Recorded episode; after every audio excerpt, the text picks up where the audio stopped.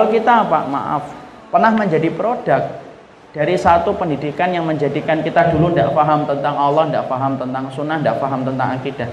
Tolong banget supaya itu tidak kemudian terlahir kembali melalui anak-anak kita.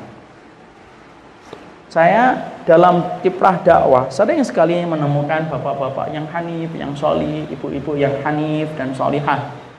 Kemudian sering ngomong, Masya Allah Ustaz, kita nggak pernah diajarin kayak gini oleh keluarga kita dulu.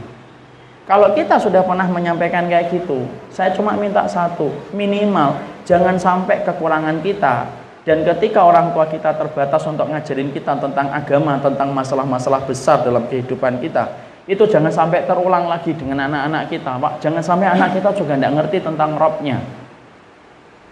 Jangan sampai anak kita juga tidak ngerti tentang rasulnya. Karena apa? Jangan sampai menjadi dosa yang terwariskan terus tanpa henti ketika kita kemudian melakukan semacam itu. Makanya ketika dulu kita menjadi produk dari satu pendidikan yang menjauhkan kita dari kitabullah dan sunnah minimal kita belajar dan mengambil faedah tidak terperosok kepada lubang dua kali setidaknya anak-anak kita tidak berhak untuk mendapatkan kesalahan kita kemudian terulang lagi kepada anak-anak kita apakah wajib anak saya belajar agama dan harus di pondok? enggak lah silahkan kalau memang anak kita ingin punya kecenderungan ilmu kesehatan ingin jadi dokter punya kecenderungan tentang arsitektur dan ingin menjadi arsitek silahkan tapi dua perkara ini harus wajib kita sampaikan kepada mereka. Bapak lemah menyampaikan dua perkara ini karena keterbatasan Bapak, maka Bapak wajib pertama Bapak kemudian belajar untuk menyampaikan kepada anaknya. Kenapa? Fakitu syai' la yu'ti. Sesuatu yang kosong tak mampu mengisi, sesuatu yang tak terisi tak mampu mengisi pula. Kalau kemudian kita juga masih tidak mampu karena kita juga ketika belajar juga sering lupa, Ustadznya ngajar apa keluar dari majelis ilmunya lupa Ustadznya tadi ngajar apa ya kemudian kita tidak bisa ngomongnya susah kepada anak yang kedua Pak yaitu kemudian undangkan orang solih karena para salaf pun menitipkan anak-anak mereka di tempat-tempat orang yang solih. Makanya itu saya punya konsep ya kalau ada Masya Allah rumah belajar itu penting. Harusnya orang-orang yang pinter itu ada salah satunya itu memang difokuskan untuk tidak banyak ngajar keluar tapi mengkader. Anak-anak itu biarkan aja sekolah umum kalau memang punya kecenderungan sekolah umum. Nanti pulangnya ke asrama ada orang pinter yang solih di situ satu menyampaikan agama supaya betul-betul paham pak. Karena mengandalkan agama dalam pendidikan umum kita tidak bisa berharap banyak. Pelajaran agama cuma satu jam dalam sepekan. Pelajaran fisika dan matematika berjam-jam dalam satu pekan. Seakan-akan hidup di akhirat itu sebentar hidup di dunia itu lama. Kan gitu ya satu jam tok satu pekannya. Fisika dan matematika berjam-jam karena itu saya mikir seakan-akan hidup akhirat itu tuh sebentar butuh satu jam tok dalam sepekan dan hidup di dunia itu lama banget seakan-akan berjam-jam mempelajari fisika dan matematika itu tidak habis-habis ya, tapi sudahlah ini sudah terjadi Makanya kemudian apa? Jangan sampai kita membiarkan itu. Undang orang soli Pak. Kalau memang tidak ada, undang orang soli yang datang ke rumah kita, yang bisa kemudian punya keluasan ketika ngajar anak-anak kita, supaya anak-anak kita akidahnya benar. Makanya sekali-kali saya ini kasih masukan. Maaf kalau masukan saya tidak tepat. Buat sekali-kali bapak dan ibu itu ngajak anak-anaknya ke pondok liburan. Jangan hanya ke Singapura, ke Malaysia, ke Cililitan, Sekali-kali ayo nak ke pondok, ya nak tiga hari hidup di pondok. Buat minta izin sama pondok mana. Ustadz saya mau ke pondok sama keluarga saya, bisa nggak ya? Dari apa pak? Dari Jumat sampai kemudian Senin, bapaknya ikut ngaji, istrinya ikut ngaji, anaknya kemudian ditidurkan ala kayak santri, bangun kayak santri. Masya Allah kan? Itu kan menjadi sesuatu yang sifatnya dia tidak dapatkan itu, kemudian dia dapatkan di pondok.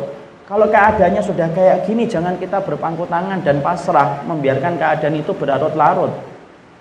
Makanya saya, walaupun ini ya, ada beberapa jamaah di Bekasi itu mereka datang ke pondok saya di Darussahadah Boyolali. Datang ke sana ikut daurah tiga hari Pak dari Jumat, Sabtu, Ahad. Nanti Ahad pulang. Mereka hidupnya kayak santri, bangunnya dibangunkan dengan suara suara bel yang sangat keras.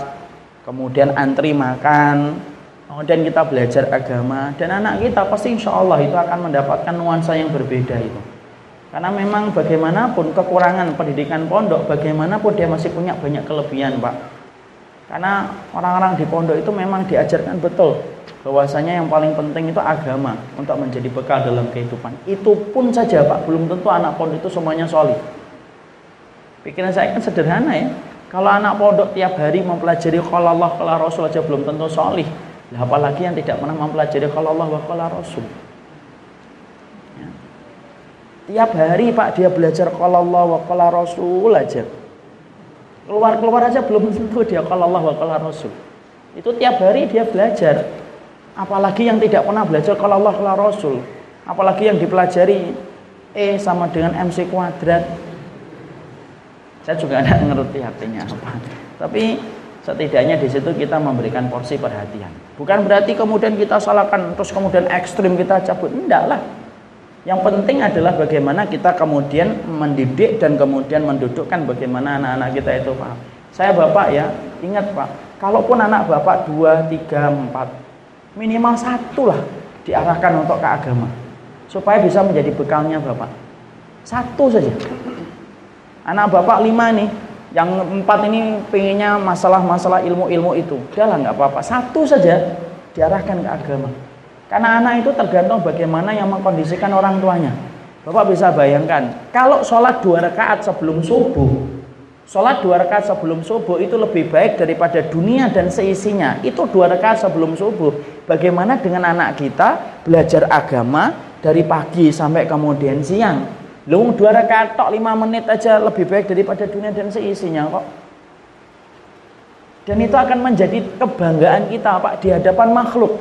Sekali-kali itu kita membanggakan diri di hadapan makhluk dan bukan hanya membanggakan diri di hadapan Khalik terus. Di hadapan apa? Di hadapan Khalik dan bukan hanya membanggakan diri di hadapan makhluk terus. Karena sesungguhnya kebanggaan orang tua itu kapan? Yaitu adalah ketika dia mampu mewariskan kepada anaknya dan keturunannya itu kesolihan. Dan kesolihan itu pintu pertamanya itu ilmu. Coba, Pak, apa-apa ndak iri toh? Apabila ada temannya, anaknya hafal Quran, Pak Anaknya hafal Quran. Itu orang tuanya itu saya aja iri, Pak. Orang tuanya akan dikasih mahkota oleh Allah pada waktu hari kiamat. Anaknya kemudian belajar lagi belajar apa? Nak, lagi belajar Riyadus Solihin. Coba, Pak. Lagi menghafal apa? Lagi menghafal Riyadus Solihin. Memang nggak profit di mata kita hari ini, apalagi di zaman ketika semuanya itu diukur dengan materialisme. Nggak profit memang, tapi insya Allah profit itu di hadapan Sang Khalik, Pak. Dan itulah perkara yang kita harus ini. Makanya saya sampaikan, kalaupun salah satu di antara anak kita, eh, anak kita banyak, salah satu saja proyeksikan untuk agama Allah, belajar. Supaya kita tidak menjadi mandul di hadapan Allah. Siapa itu orang yang mandul? Rasulullah kan bersabda ketika beliau memben, ketika beliau menyampaikan dalam salah bentuk dialog. Atadruna manirukub. Kalian tahu nggak siapa orang yang mandul itu? Kemudian para sahabat mengatakan arruku min ummati man lam yuqaddim min awladihi syai'an fi sabilillah.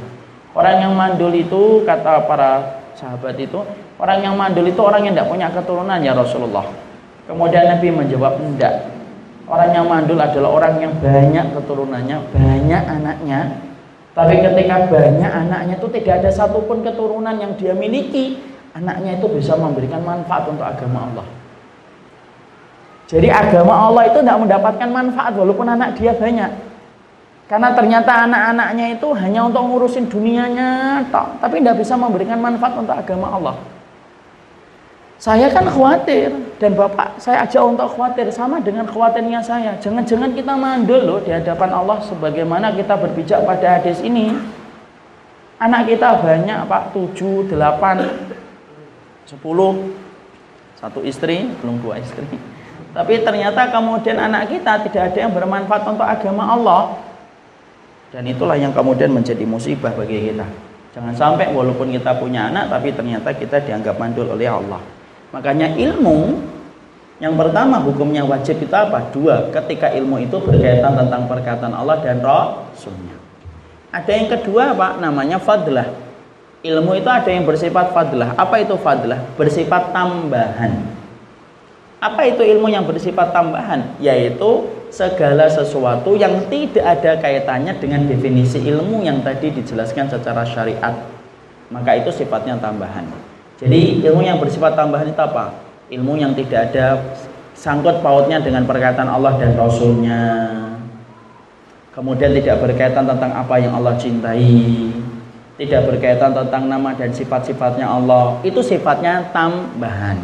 Boleh dipelajari? Boleh boleh ditinggalkan? Tidak dosa.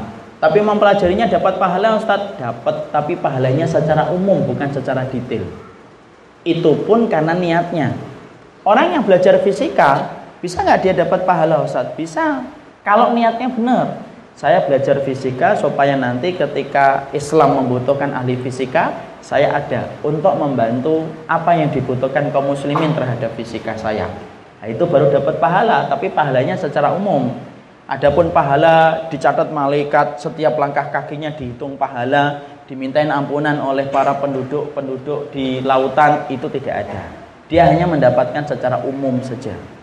Dan itulah yang kemudian kita pahami. Di situ yang disebut fadlah.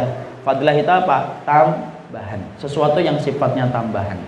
Makanya kalau kemudian kita mempelajari ilmu yang bersifat tambahan, penting untuk menjaga kondisi niat bahwasanya niatnya betul-betul semata-mata karena Allah. Supaya ketika nanti Islam butuh maka dia datang membawa apa yang dia pelajari dan Islam merasakan manfaatnya dari apa yang dia pelajari itu. Itulah yang disebut dengan ilmu.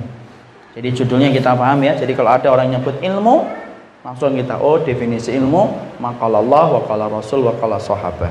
Apa yang dikatakan Allah, apa yang dikatakan Rasul dan apa yang dikatakan sahabat, itulah ilmu. Oh, ilmu itu hukumnya ada dua, ada yang wajib, ada yang tambahan.